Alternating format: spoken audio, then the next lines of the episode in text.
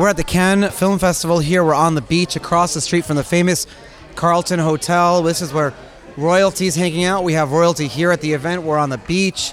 Everyone has champagne flowing. Tom Cruise, movie stars. My name is Charlie Shrem. And then if people like Google your name, the first suggestion is net word. Yeah. The, if you Google my name, there's a lot to see there. So there's a lot of stories. Yeah, you'll see. A, I've been in the Bitcoin space for a very long time. I had the first Bitcoin exchange back in 2011, 2013 called BitInstate. And then I was, I was 21 years old or something. I started the Bitcoin Foundation. I was its first vice chairman. And I was also the first person to go to jail for Bitcoin, which was really cool. It's cool to be, it's good to be proud of that now, but not good when you're going to jail. But yeah, it's pretty cool. Mensen vragen mij vaak: kom je nou beroemdheden tegen in Cannes?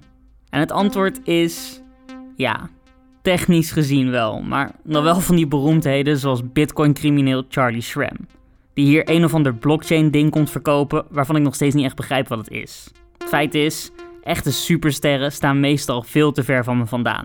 Ik heb me nog nooit kunnen laten bekeren tot Scientology door Tom Cruise en ik heb ook nog niet Margaret Qualley ten huwelijk kunnen vragen. Wel zat ik een keer bijna naast Tilda Swinton tijdens een lunch, maar toen zei de eigenaar dat zijn terras te vol zat. In mijn eigen ogen kon ik zien dat er nog best wel wat tafels vrij waren. Deze podcast, Op de Vijfde Rij, is altijd mijn manier geweest om juist achter de schermen te kijken. Om ver weg van de loper te zien wat er speelt in de filmwereld. Maar eigenlijk ben ik ook wel benieuwd wat er onder de spotlights gebeurt. Wat er aan de hand is met al die PR en rode lopers. En vooral hoe het is voor makers uit Hollywood om hier te zijn. Hoe krijgen ze hier de aandacht die ze nodig hebben? Ik onderzoek het door een paar belangrijke mensen die horen bij de grootsheid van Cannes te spreken. Onder andere een rode loperfotograaf, een van de mensen achter exclusieve premièrefeestjes en ik volg de lancering van een lang verwachte film. Ik hoop dat ik dan zo leer waarom dit festival een thuishaven kan zijn voor zowel bitcoin-criminelen, filmsterren als filmmakers.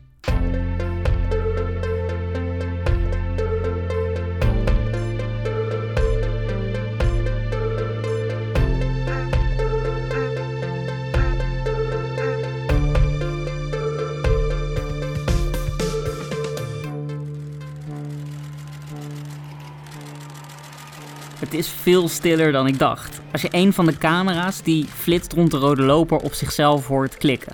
Dat is gek wel, want op televisie klinken ze altijd als een muur van geluid. Maar ja, dat zijn dan ook honderd camera's die gelijktijdig flitsen om celebrities vast te leggen. Zij schieten de beelden die je altijd zult herkennen als: oh ja, dat is kan. Hier komt een gek feitje. De fotografen langs de rode loper hebben vaak geen enkel idee of de foto's die ze schieten ook echt ergens gebruikt zullen worden. Ah, oh, there we go. Hey man, great meeting you.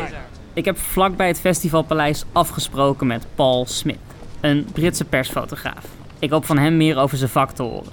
En natuurlijk ook over de gekte van Kam. Basically, uh, when I finish the red carpet, um, we come back, download the images to my computer. Um, my wife is my photo editor, so she captions everything. And then I make the selections and send them to my agent in London um, called Alamy. And then they send them out worldwide. They're part of the Press Association in the UK. And um, so they put them out, and hopefully we get picked up from there and sales wherever, all over the world.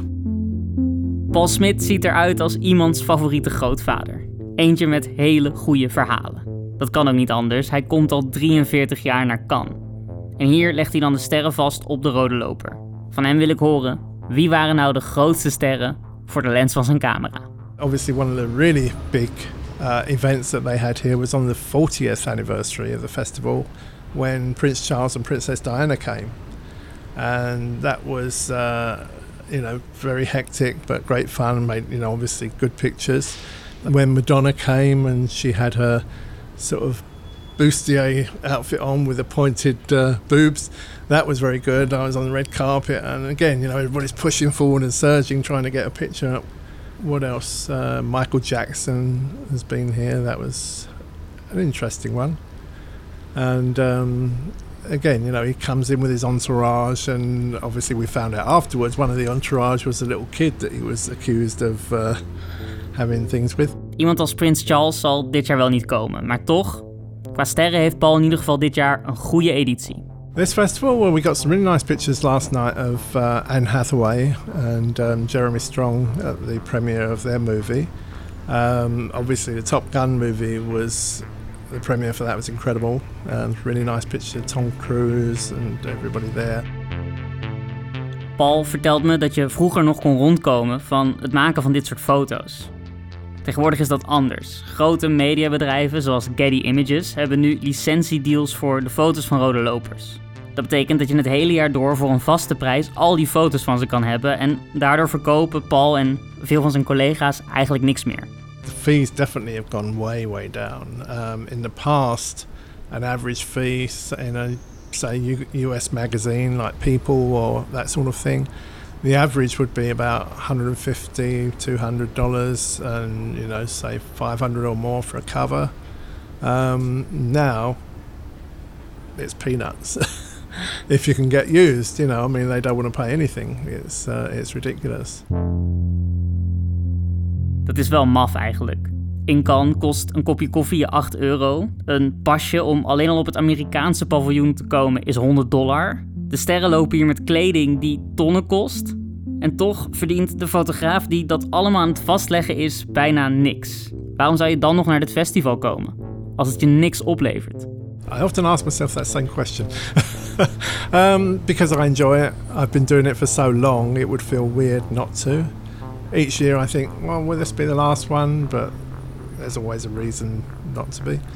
Um, yeah, I mean, probably, uh, you know, if I'm brutally honest, I probably don't make money on the festival, but I enjoy it. It's a chance. I live in Los Angeles, so it's also an excuse for me to come to London to visit my family, and then come here. Um, there's lots of British photographers that work here that I know, and, and French photographers and that. So I enjoy hanging out with them. You know, going out to dinner and lunches with them.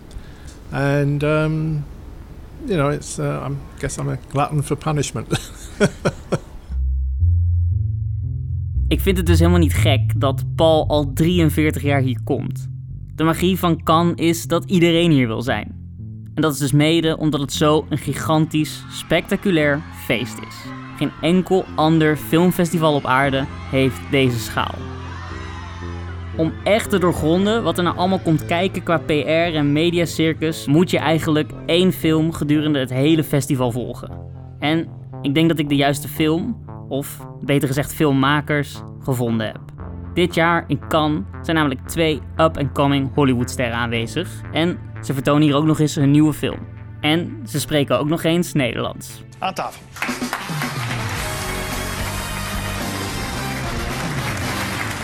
Onlangs uitgeroepen tot Brusselaars van het jaar 2015. Zo is het. De regisseurs Adil El Arbi en Bilal Fallah. Blij dat jullie Vlaanderen nog kennen.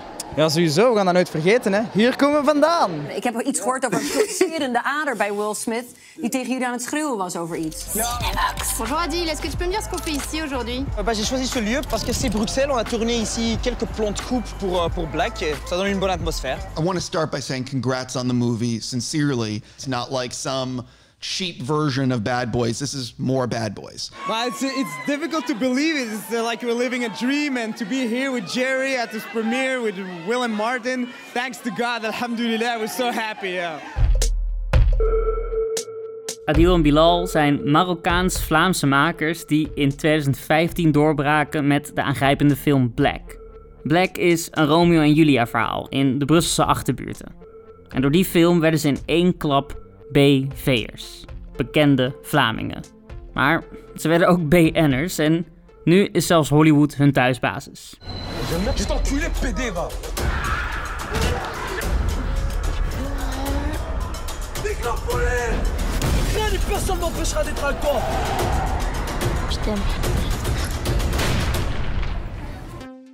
Ik denk niet dat we momenteel zulke internationale filmmakers in de Benelux hebben als Adil en Bilal. In ieder geval niet makers die op dat niveau van Hollywood zijn doorgedrongen. Zelfs het verhaal van hoe ze daar beland zijn is echt wel iets voor een film. Ik hoorde het ze ooit zelf vertellen in de talkshow van Eva Jinek. Het ging namelijk zo. Na het succes van Black kregen Adil en Bilal contact met de grote Hollywood-producent, de man achter Top Gun, Jerry Bruckheimer. Hi Jerry, we're big fans of you. En, en hij is super stil. Ja, hij zegt bijna hij kijkt gewoon. Ja, hij is ja. heel klein. Heel stil. En dan zeggen we, uh, hey, can we make Bad Boys uh, 3? En hij zegt, guys, do you have humor? Hij zei, yeah, yeah, yeah, it's funny, funny. Yeah, yeah, In Belgium, everybody laughs with us. Ja, dat was door Black en Black was een dramatische Ja. film. En, um, en op dat moment heeft hij nee gezegd. Jerry Bruckheimer zegt nee.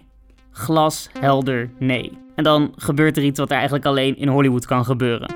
De regisseur die voor het project was gekozen valt af. En Jerry Bruckheimer belt toch die gekke Vlaamse jongens op, omdat ze nou eenmaal zo enthousiast waren. Hij vraagt of ze Bad Boys for Life willen gaan regisseren. Dit is letterlijk het telefoontje waar Bilal en Adil van gedroomd hadden. Ze zijn zelf opgegroeid met Bad Boys. Maar ze moeten nee zeggen. Ze moeten nee zeggen omdat een film Patser, een soort Bad Boys in Vlaanderen eigenlijk, op de planning staat en over enkele weken al gaat draaien. En dus staan ze weken later niet op de set van Bad Boys met Will Smith, maar op die van een eigen film Patser met Ali B. En dan is de Hollywood twist opeens echt compleet. Ook de tweede regisseur die Bad Boys moet gaan maken valt af. En dus belt Boekheimer Adil en Bilal weer op. En nu, nu hebben ze wel tijd. En zo maken ze Bad Boys for Life. Een film die 426 miljoen dollar ophaalde. Ik ben geen expert, maar volgens mij betekent dat in Hollywood welkom. Jullie horen erbij. Op deze 75ste editie van het Cannes Filmfestival presenteren de jongens een nieuwe film. Rebel heet die. En de première daarvan zit eigenlijk meer aan het eind van het festival, maar ik kan toch al iemand uit een team spreken. Bert is de directeur van productiehuis Caviar Film en hij staat momenteel in de rij bij een rode loper, waardoor hij precies 5 minuten tijd voor me heeft. Ik zoek even mijn uitnodiging. Wel belangrijk als je zometeen de loper op moet voor een première. ik zie aan hoe ver jij aan het scrollen bent dat er echt veel mails binnenkomen op één dag. Ah ja, altijd hè. Bert is de grote baas van Caviar die kantoor houden in zowel Brussel, Londen als LA. Ze zijn bekend van de Oscar-winnende film The Sound of Metal en de vorige film van Adil en Bilal, Black. Dit jaar komt daar ook nog Warpony bij, het regiedebuut van Riley Keough, de kleindochter van Elvis Presley. Die film draait al iets eerder op Cannes en dus, als ik tegen Bert over Rebel begin, is dat voor hem echt alsof ik over iets uit het jaar 2056 wil praten. Oh, maar Rebel is pa- is pas donderdag, hè, wat in filmverkopen een eeuwigheid is. Hè. Allee, dus eh, wij hebben echt... Nee, vanaf, vanaf dinsdag, denk ik, focussen wij ons volledig op Rebel. En dan, dan ligt dit wat stil tot, tot na kan. En dan beginnen we er de volgende weken terug aan. Dus nee, dat, dat is eigenlijk wel goed te managen hoor. Moesten ze nu kort op elkaar geweest zijn, dat zou iets helemaal anders zijn. Nu heb je twee makers bij Rebel die niet hier met jou zijn, maar die zo meteen binnen gaan vliegen en in een paar dagen tijd ontzettend moeten gaan proberen om die film eh, zo succesvol mogelijk hier te lanceren. Hoe, eh, wat is je contact dan nu met hen? Wat vragen ze aan jou? Heb je al een beetje kunnen... Bedoel je Adil en Bilal? Eh, die zijn aan het monteren een andere film en die vragen ons wel elke dag, is er nieuws? Maar ja, kan werkt zo niet. Kan werkt pas, er is pas nieuws als je kort bij je première. Dus ik denk, de persvisie is dinsdag. En dan gaat allemaal langzaam alles in gang schieten. Dat gaat tegen woensdag, hebben ze heel veel interviews, heel veel pers. En dan donderdag is de première. Dus eh, ja, dat is ook wel normaal. Ze moeten ook dat spreiden, hè, want anders is er voor elke film niet genoeg aandacht. Hè. Dus ze zijn heel ongeduldig, maar ja, we hebben nog tijd. Ja. Daarover gesproken, eh, zoveel films. Er gebeurt zoveel op een festival. Wat kunnen jullie dan doen met Caviar Film om te zorgen dat er aandacht komt voor wat jullie hier lanceren? Dat je zorgt dat jullie... Dat je- doe je dan nog iets bijzonders? Hoe... Ah, Het enige wat wij kunnen doen is een heel goede film maken. Dus daar hebben we wel controle over. Dat is, ligt volledig in onze handen. Dus ja, maar dat is wel ja, dat is een uitdaging. Hè. En, en dankzij de streamers en al die dingen worden acteurs, celebrities worden belangrijker en belangrijker. Dus ja, kleine films moeten echt heel goed zijn om op te vallen. Er is geen... eh, grijs is niet mogelijk. Bert is een doorgewinterde producer. Dus hij weet het waarschijnlijk veel beter dan ik. Maar toch, volgens mij is er iets wat hij nu niet noemt. Iets wat heel onsexy en tegelijkertijd ultra belangrijk is. PR. Keiharde reclame. Reclame zoals die cryptoborrel van die bitcoin crimineel waar ik was. Of zoals de events rond filmlanceringen. Bijvoorbeeld De film Elvis van Buzz Lerman, daar zijn ze dus al dagen een hele grote tent voor aan het bouwen op het strand. Er zijn hier op Cannes zoveel borrels dat je als alcoholist eigenlijk beter thuis kunt blijven. De ene is nog luxer dan de andere. En telkens als je er staat vraag je je af waarom en met welk geld. Om op die vragen antwoord te krijgen, spreek ik af met de belangrijkste naam van de PR-wereld in Cannes. You've got two questions in Cannes. What is the party tonight? Can you can you get me in? And the other one is, uh, do you have a ticket for tonight? What do you answer? Uh, do you have a suit? Anne-Laure Davezac is een hele serieuze PR-vrouw. Ze werkt bij een bureau wat ADR heet. En die doen al 15 jaar lang public relations op Cannes. Ik mag haar interviewen op een privéstrand langs de boulevard. En het is overduidelijk dat zij de belangrijkste PR-persoon op het festival is. Haar telefoon lijkt vergroeid met haar rechterhand. En telkens komen er twee soorten meldingen binnen. De eerste is een soort knipperend rood lichtje en dat betekent dat er iets belangrijks is. En de tweede is wanneer de flits op haar toestel begint af te gaan en dan betekent het dat er iets superbelangrijks is. Onbelangrijke berichten komen volgens mij niet eens binnen. Logisch ook. Een merk als L'Oréal, Cartier, Ferrari of Yves Saint Laurent belt haar op als ze commotie willen op dit festival. En dat kan dan alles zijn: een event, een jurk op de loper, een grote afterparty op een geheime locatie met een zwembad. En over het algemeen vragen de meeste merken naar iets wat gewoon heel erg Instagrammable is. They want uh, in Cannes. They really want to boost uh, their notoriety to be the most uh, visible, the most wow effect. Uh, we've got always this uh, sentence: "We have to be Instagrammable." Uh, so no, I think the part of being at Cannes is is really a springboard for everyone. So you've got all the media, all the journalists, all the country present during ten days, and it's a small it's a small city, so you have the opportunity to make it buzz. If it's the right time, with the right um, the right place, you can make something really big. Het is volgens mij not dan om over prijzen te praten, maar ik moet het toch doen. Want wat kost het nou om iets zoals een, een kleine borrel te houden op dit filmfestival? This is a really tough question. Uh, actually, you can create something in Cannes if you're smart and if you have the right people. You can start with a small budget. Uh, if you have the, the the, right uh, picture, like when I'm saying small budget is uh, starting at uh, 50,000 euros. It's gonna be small, but it can be impactful. 50.000 euro voor een niet al te grote borrel hier op Cannes. Oké, dat zit er dus niet in voor mij, maar Annalore doet ook haar werk voor specifieke filmmakers en filmsterren. Dit jaar bijvoorbeeld voor Hirokazu Koreeda. Ik kan me voorstellen dat zoiets ook Adil en Bilal aangeboden wordt, maar wat kan zo'n PR dan voor hen betekenen? It's always about timing. Uh, it's always about timing. It's uh, if, for example, you've got uh, you've got a clean uh, red carpet climbing up. You've got to to have the best photo shoot. You've got to have the best photographer inside the stairs that will give you the best shot which will contribute to say it was his night because everyone here in Cannes we don't talk about uh, movie uh, we we are talking about directors. Uh, it's we are we are not saying uh, it's uh, the Elvis movie uh, it's the Baz Luhrmann one. So to make the night of the director count everything is contributing you know?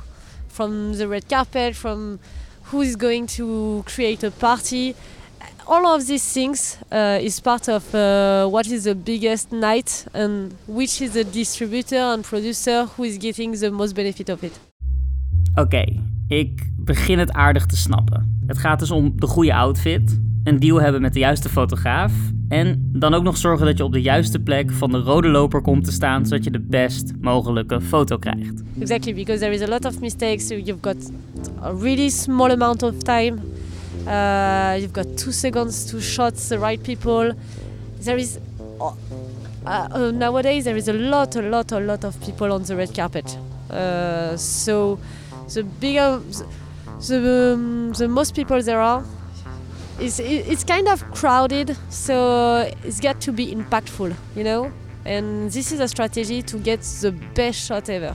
Ja, als je echt bekend bent, zo bekend als Koreeda, maar bijvoorbeeld dus ook als de Vlamingen Adil en Bilal, dan is impact maken op de loper even belangrijk als al het andere wat je op het festival komt doen.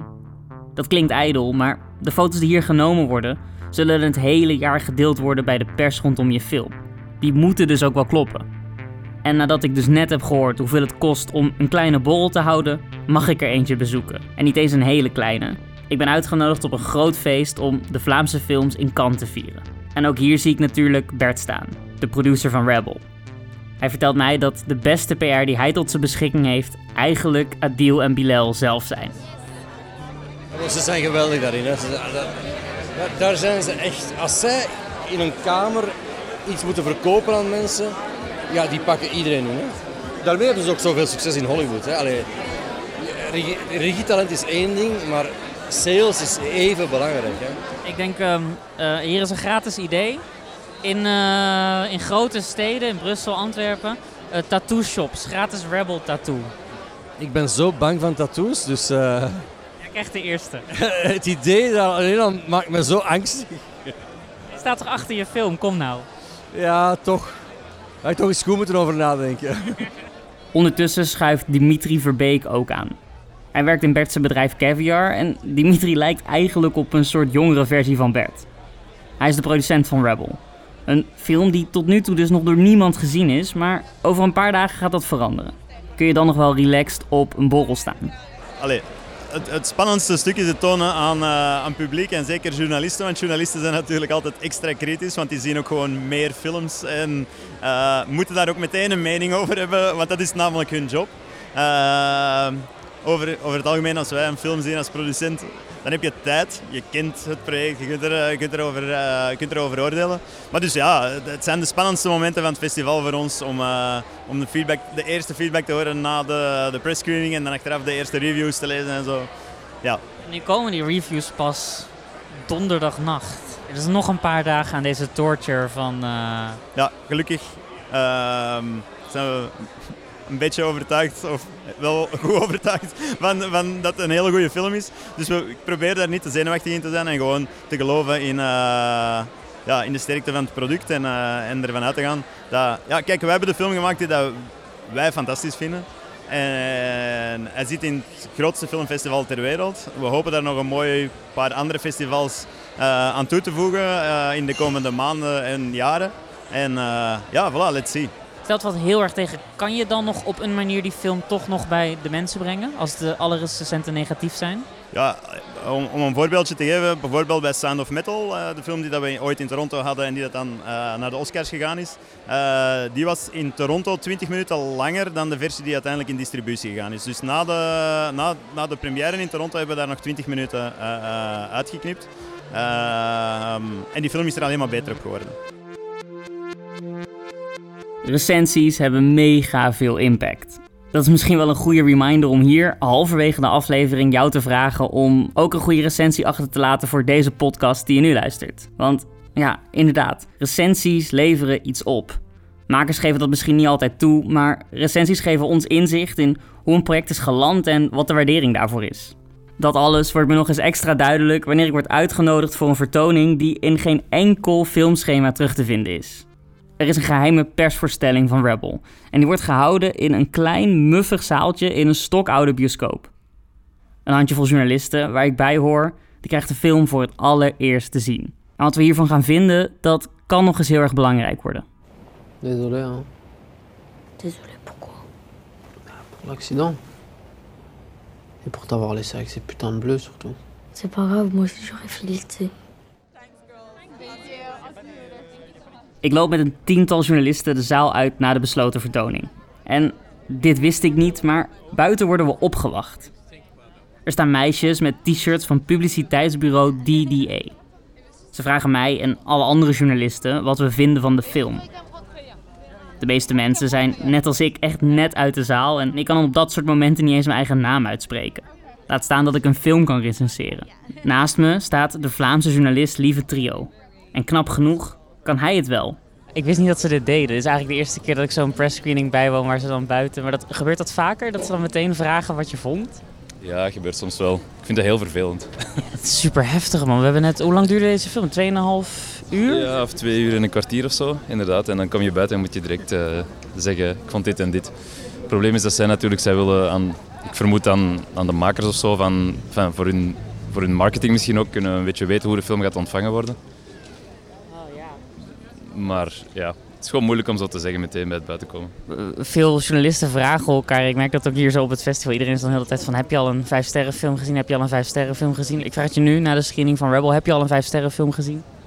Ik denk niet dat ik al een vijf sterren film heb gezien, nee. nee. Holy Spider kwam er voor mij het dichtst bij, maar is geen vijf sterren film misschien. Of moet ik misschien ook nog even over nadenken. Recenseren. Wat een beroep. Nu ik hier toch sta, wil ik zelf eigenlijk ook wel weten of Rebel, de nieuwste film van Adil en Bilal, het gaat doen. En met het bedoel ik, wordt Rebel het volgende grote succes op hun inmiddels al indrukwekkende lijstje met prestaties? Ik besluit het te vragen aan nog een andere journalist. Um, ik ben Berend-Jan Bokting en ik uh, schrijf uh, over film voor de Volkskrant. Berend-Jan is iets minder onder de indruk dan Lieven en ik het zijn. Zijn kritiek is volgens mij iets wat de hele film ook nog best wel kan gaan achtervolgen. Namelijk het feit dat in Rebel je het verhaal ziet van twee broers die meevechten bij IS en de moeder die hen daaruit wil redden. Adil en Bilal vertellen dat verhaal met een flinke dosis Hollywood-actie, maar ook met een paar hip-hop musicalstukken. Volgens Berend Jan en misschien dus ook wel voor heel veel andere mensen is dat niet helemaal in balans. Ja, ik had het wel leuk gevonden als de, als, als de hele film in die extatische choreografieën zat. En nu wil het ook, serieus, wil het ook serieus zijn en emotioneel zijn. En het een werkt het ander voor mij uh, tegen. Kijk, veel films eindigen met statistieken aan het eind van hoeveel slachtoffers er in een bepaald conflictgebied zijn gevallen. En als je dan die keiharde realiteit ziet en je hebt net naar iemand gekeken die in elkaar wordt geramd, maar wel in een dansachtige gevechtschoreografie. Uh, dan dan is, dat, is dat best dapper, maar dan is het ook uh, misschien onbedoeld en misschien bedoeld zo absurd dat het uh, de slachtoffers een beetje minder erkent of zo, I guess. Ben wel benieuwd waarom je dat dan doet. Daar ben ik oprecht benieuwd naar. Oké, even de balans opmaken. Inmiddels zijn we op de laatste dagen van het filmfestival aangekomen. Adil en Bilal hebben vanavond een grote première van Rebel. En in de korte twee dagen dat ze hier zijn op Cannes doen ze vooral interviews met internationale pers. Zo ook met mij. En terwijl ik op ze afloop en ze zie zitten, valt het me ook best wel op dat het absoluut geen standaard regisseurs zijn. Ze dragen maatpakken, hebben scherpe contouren in hun baard en ze zijn beide ook nog eens opvallend gespierd. Na een lange dag op de filmset staan ze gewoon in de sportschool. Dat zag ik tenminste in de making-of van Bad Boys. Hey man. Hey boys. Hey man, Cesar. Nice style. Nice style. Dankjewel man, ik waardeer het. Ik zit hier zo heel de tijd te kijken naar wat jullie aan het doen zijn. Dit schema, dit is al, dit is al wild man. Back-to-back interviews, hoe is dat voor jou? Dus we gaan nu na Cannes gaan we vertrekken naar België voor de première van Miss Marvel. En dan gaan we naar LA vliegen om de première van Miss Marvel te doen, daar. En dan om terug te gaan naar Londen om dan de montage van Bad Girl te doen. Ja. Keep working. Dat is, leuk, uh, we hebben zoveel jaren met die film in ons hoofd gezeten en heel benieuwd naar wat zijn de vragen. En uh, altijd ja, gedacht, oké, ooit moeten we eens uitleggen waarom dat we die film hebben gemaakt en hoe dat we die film hebben gemaakt. Dus het is echt een plezier om dat, uh, ja, om dat te ervaren en, en, en je ziet dat mensen geïnteresseerd zijn, dus heel blij. Ik vind ook, uh, je merkt ook al een beetje wat dan dezelfde vragen zijn. Wat zijn die voor jou? Welke vragen krijg je nu al echt te veel eigenlijk? Ja, te veel niet nu, maar ik denk ja, de, de musical vragen. Hè. Dus we wisten dat we dat gingen krijgen, maar ja, we zouden bang geweest zijn als ze die vraag niet hadden gesteld. Als dat zo van, oh ja, ja, musical, ja, leuk. maar, maar het is wel tof, omdat, omdat dan krijgen we de kans om in elk geval toch diep te gaan in, in onze Arabische cultuur, uh, islamitische cultuur. Waarom? Dat dat eigenlijk deel van onze identiteit is. Hey, um, dan nog even verder zo dit, dit schema. Dus dan, oké, okay, gisteren interviews, vandaag interviews. Er was een fotocall. Wat komt er dan allemaal nog meer op, op iemand? Ik denk dat heel veel mensen niet weten wat je dan hier doet als filmmaker. Ja, dus eigenlijk, ja, wat we doen is, is pers. Is, uh, want ja, natuurlijk, Cannes is de, grootste filmfestival ter wereld, dus dat is internationale pers van alle landen, wat heel cool is. Want we vragen, ay, dus uiteindelijk is nog altijd een Belgisch verhaal, of toch Belgisch-Syrisch verhaal, maar hoe gaan mensen van Tsjechië dat ervaren, of Brazilië enzovoort. Dus dat is wel heel cool om te, om te zien. En dan is het fotoshoots, uh, uh, dus, uh, dus voilà, de echte Cannes fotoshoots, de officiële foto's, wat heel cool is, want ja, we groeien op en we zien al die sterren en dan ineens zit jij daar, dus dat is zo precies echt. dus dat is wel, dat is wel heel tof. Dus voilà. Kan je vertellen, het is, het is meer dan echt. Het is super echt. Het is echt super. En ik zag hem ook op de officiële kan Insta, dus nu is het voor live, man. Nu is het permanent. Voilà, voilà, kan for life. Hè. Voilà, we zijn, we zijn Canregisseur met het palmtakje. We, we mogen die nu op ons poster zetten en voor de film. Voilà, dan kunnen ze niet meer afpakken. Dan, eh, jongens, het is wachten op de reviews ook een beetje voor jullie, begreep ik. En dan is mijn vraag wel een beetje, oké, maar stel ze vallen tegen. Maar inshallah, ik klop hem ook af. Maar stel ze vallen tegen. Het kan gebeuren. Het pers zijn rare mensen, let me tell you. Dus, dus wat dan? Stel dat ze, dat ze hem helemaal affikken, wat gaan jullie dan doen? Nou, gewoon Hollywood films blijven maken, hè. Fuck it. nee, ja, het is, het is, weet je, het is, is deze film, daar zit onze ziel in. En, en eh, daarom dat we ook alles gaan doen om dat zo breed mogelijk in de markt te brengen. Maar als dat tegenvalt, dan, dan zij het zo, hè. Is wel een, controversiële film. En ik denk, ja, Oliver Stone, zijn films hebben altijd heel heftige reacties gehad. Dat was echt love it or hate it. Hetzelfde voor Spike Lee. Dus ergens is dat, we willen liever dan zoiets dan dat er gewoon een algemene... Ja, het was oké. het was oké, het was binnen de lijntjes. Nee, we willen liever zo heftige reacties. En wel, ja, het was een film die we, die we gemaakt hebben zonder zeker te zijn. We hebben gewoon risico's gepakt, we hebben dingen geprobeerd, we hebben ons passie gedaan. Dat moest ook uit ons systeem. En als mensen dat niet smaken, wel, het is nog altijd, we, zijn, we staan altijd achter de film die we gemaakt hebben. En eh, wel, de volgende keer beter dan, hè. Wel.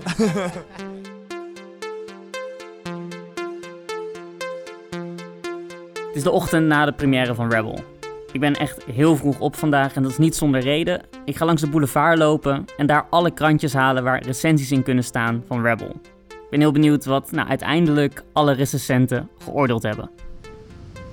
Libération Libé, libé, demandez libération Ja, Deze man heeft de krant, dat kan niet anders. Bonjour. Est-ce que vous avez un uh, journal?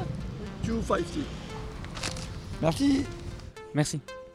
Oké, de buiten is binnen. Ik heb een chique verzameling van een paar gratis krantjes en wat vakbladen. Nu maar ergens gaan zitten en kijken of ze hebben geschreven over Rebel en wat ze dan precies vonden. Maar eerst koffie.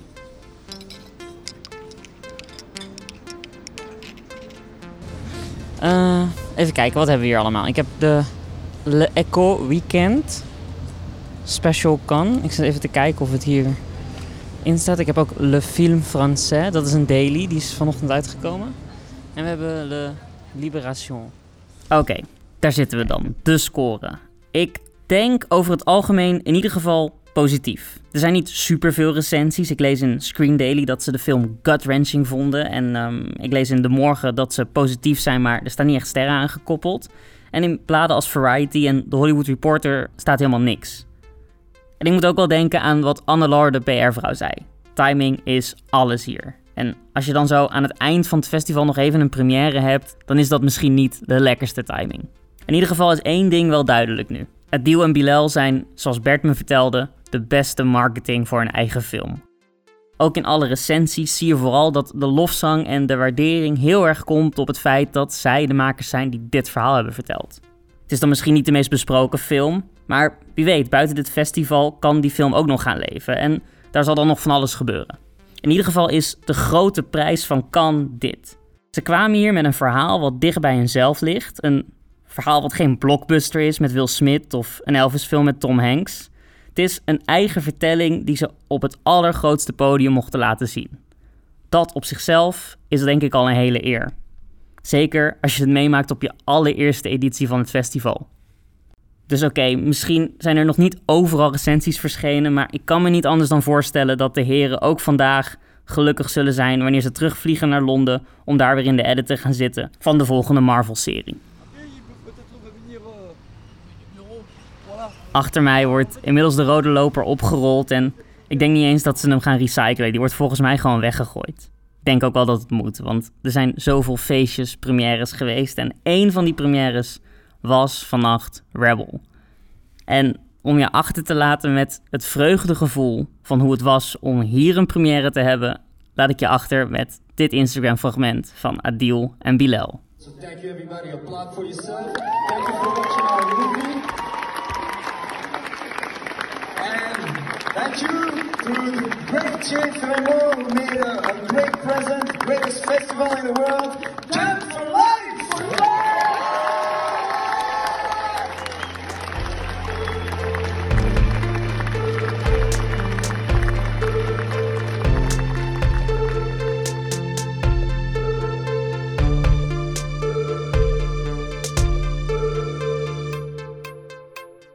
Dit was hem, de eerste aflevering van het tweeluik op de vijfde rij in Cannes.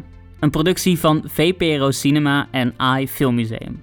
Wil je meer zien en lezen over het festival? Ga dan naar vprogids.nl slash. In de volgende aflevering ga ik onderzoeken wat al die jonge Nederlandse filmmakers hier eigenlijk in Cannes komen doen. Ze hebben allemaal een eigen droomproject meegenomen, maar lukt het ze om die verkocht te krijgen aan al die producenten, studiobazen en financiers? Dat is aflevering 2. Deze podcast werd volledig gemaakt, opgenomen en gemonteerd tijdens het filmfestival van Cannes. Dat had ik, Cesar Majorana, niet gekund zonder de hulp van eindredacteur Jelle Schot, redacteur Anna Meijer en editor Friedjof Kalf. Ook wil ik speciaal bedanken Rima Rijbroek, Lisette Ruitenberg, Mila Slingeman, Ronald Simons, Tibor Dekker en natuurlijk iedereen die ik sprak en interviewde voor deze aflevering. De soundtrack die je nu hoort op de achtergrond is van Julius Jongsma. En het artwork in je podcastplayer van Aafke Bouwman. Dankjewel voor het luisteren. What do you think people want pictures of celebrities for? I know it's a broad question, but I wonder what you think. I don't know. I think fans generally like to see pictures of their, their stars and uh, live maybe vicariously through them. Um, I don't know. It's it's funny because you know with all the things that are happening in the world these days, um, it seems a bit shallow, but that's the way it is. I mean, I have a friend, a photographer friend that's down here that has just spent uh, the best part of the last month, or I think he had three visits since February to Ukraine, and got amazing pictures down there. And they probably won't see the light of day because you know papers say, "Oh, they're too strong for us. We can't use them," or and or they're not interested. You know, they, they pri- report on a story, but they don't really show them, and it's a shame. But uh, people tend to like celebrity and fashion.